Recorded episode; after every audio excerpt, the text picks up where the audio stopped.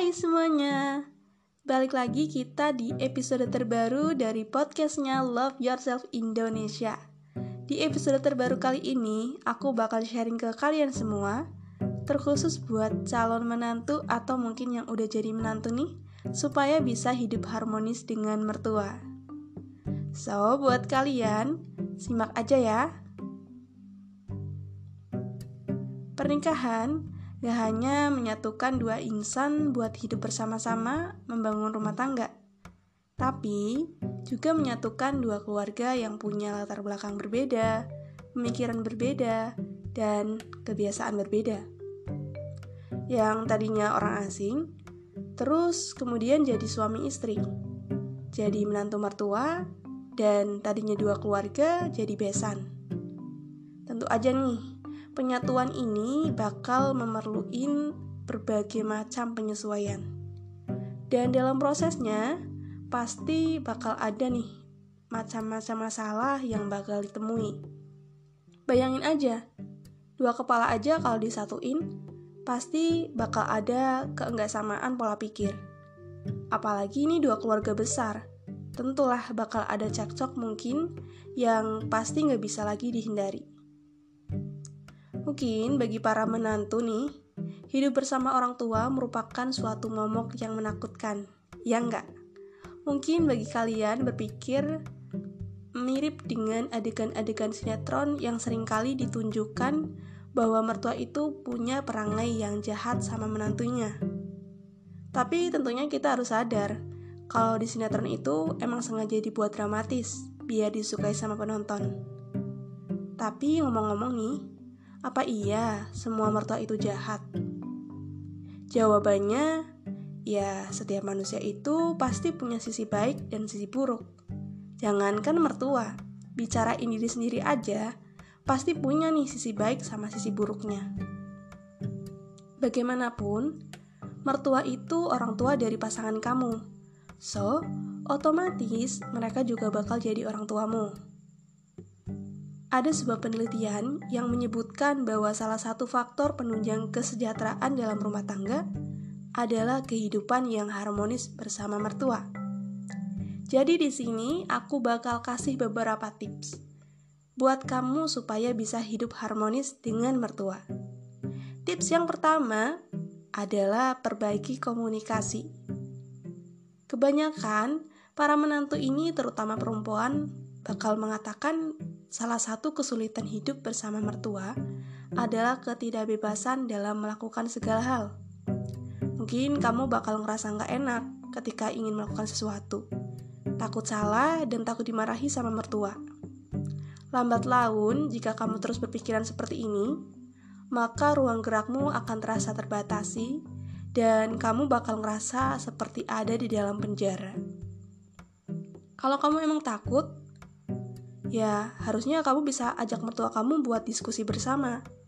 Komunikasiin segala hal, tanyain kira-kira yang bakal kamu lakuin ini baik atau enggak.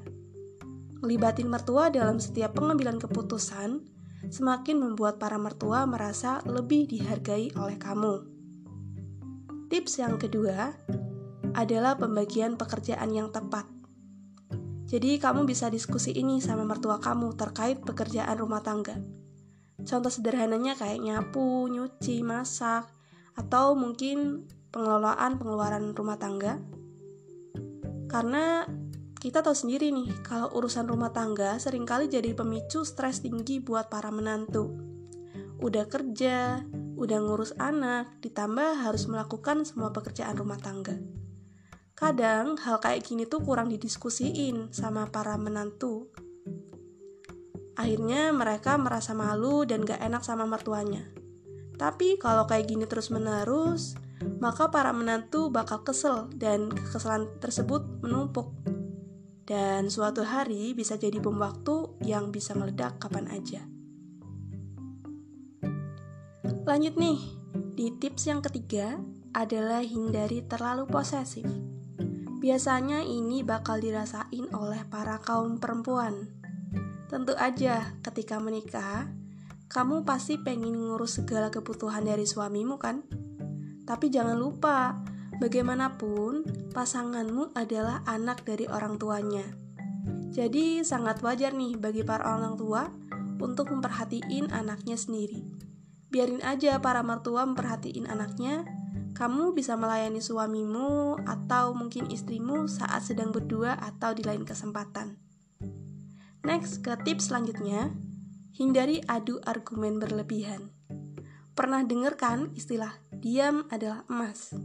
Nah, itu ucapan atau ungkapan yang cocok ketika berhadapan sama mertua.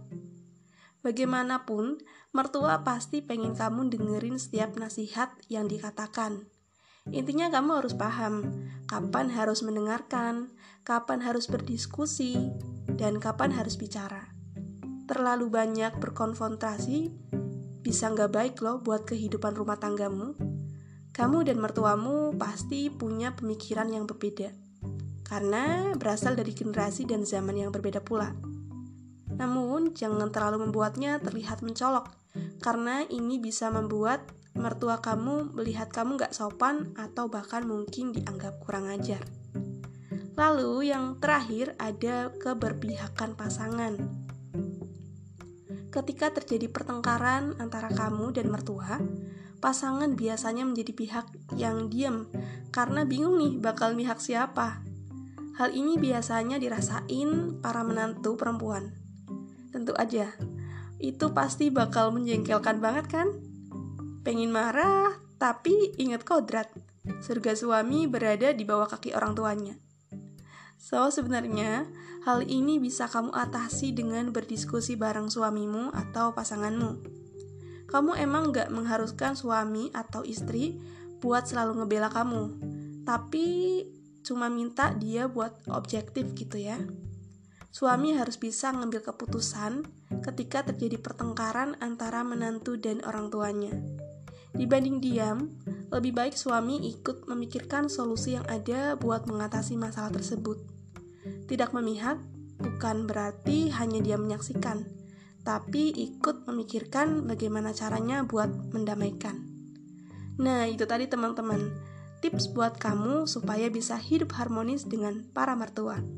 Semoga bermanfaat buat kamu dan sampai jumpa di lain episode.